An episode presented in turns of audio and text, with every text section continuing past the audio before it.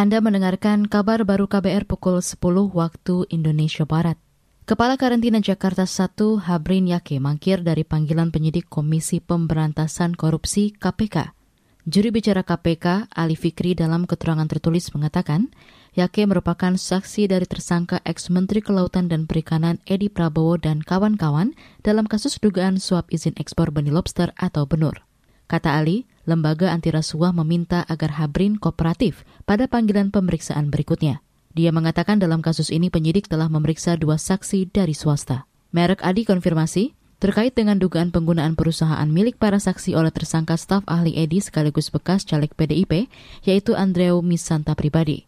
KPK menyebut ada dana miliaran rupiah yang untuk Edi Prabowo dan istri. KPK telah menyita barang bukti berupa jam tangan dan tas mewah yang diduga dibelanjakan tersangka di Amerika Serikat, kartu debit ATM. Koalisi warga untuk lapor COVID-19 mendorong pemerintah untuk patuh pada regulasi Lembaga Kesehatan Dunia WHO dalam pencatatan data kasus COVID-19. Inisiator lapor COVID-19 Irma Hidayana menilai, tidak diinputnya 2 juta data kasus COVID-19 di Indonesia menunjukkan bahwa sengkarut krisis data COVID-19 selama setahun pandemi terbukti masih belum bisa diselesaikan. Irma menekankan butuhnya keseriusan pemerintah mengelola data COVID-19 yang transparan agar dapat mengambil kebijakan yang tepat sasaran, efektif, dan efisien. Mungkin dugaan saya maksudnya untuk menekan angka positivity rate gitu ya karena kita sekarang uh, positivity rate-nya tuh tinggi sekali selalu di atas 25 persen.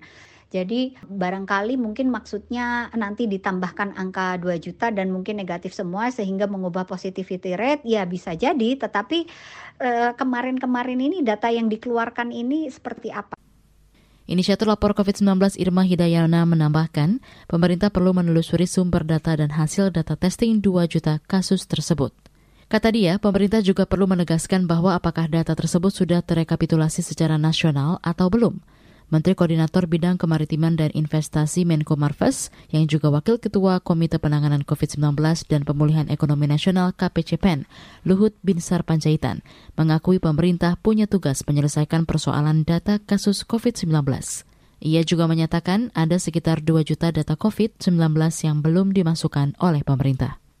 Tim peneliti Universitas Oxford menemukan obat asma biasa mengurangi resiko rawat inap pasien COVID-19. Obat diberikan dalam waktu tujuh hari gejala muncul.